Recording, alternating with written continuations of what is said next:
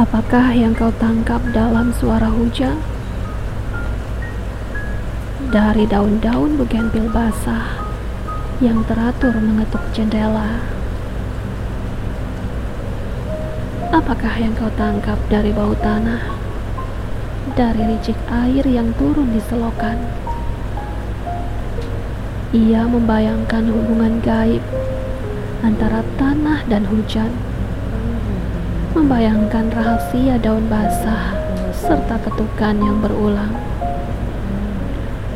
Tidak ada kecuali bayang-bayangmu sendiri yang di balik pintu memimpikan ketukan itu, memimpikan sapa pinggir hujan, memimpikan bisik yang membersih dari titik air menggelincir dari daun dekat jendela itu. Atau memimpikan semacam suku kata yang akan mengantarmu tidur. Barangkali sudah terlalu sering ia mendengarnya dan tak lagi mengenalnya.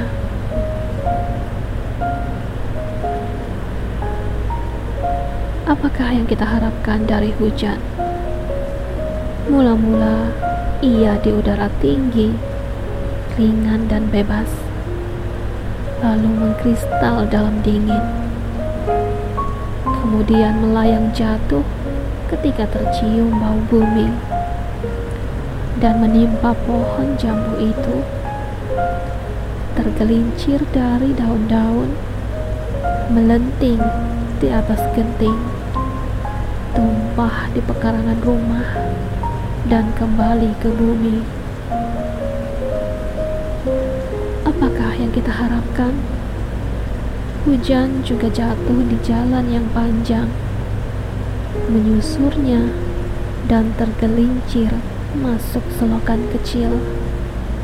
Mericik suaranya menyusur selokan, terus mericik sejak sore, mericik juga di malam gelap ini, bercakap tentang lautan. Apakah mungkin ada juga hujan yang jatuh di lautan? Selamat tidur.